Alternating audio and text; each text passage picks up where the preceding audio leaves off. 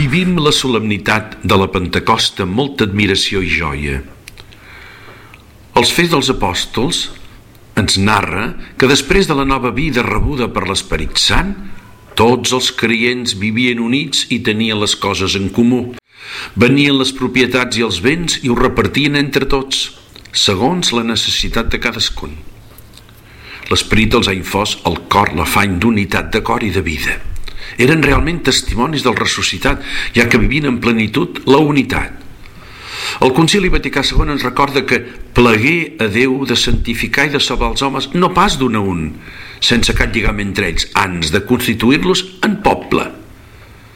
Aquest poble és l'Església, que té per noms Pleta, Conreu de Déu, Construcció de Déu, Mare Nostra, Cos Místic de Crist. Totes aquestes imatges conciliars detecten comunitat, comunió, amor. És ben clar que no podem anar cada un pel nostre compte davant Déu, hem de respirar amb els dels pulmons, el de la unitat amb Déu i amb el de la unitat amb els altres, perquè cada un dels altres és Crist. A la comunitat primitiva estaven tan units per l'amor de l'esperit que ho compartien tot.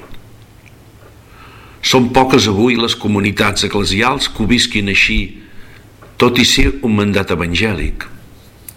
Estimar i compartir és un deure pendent després de dos mil anys de bona nova de Jesucrist.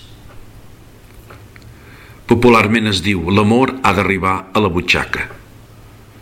Els apòstols ho feren vida amb la força de l'esperit de Pentecosta. Cal demanar poder viure aquesta radicalitat evangèlica a l'esperit d'amor.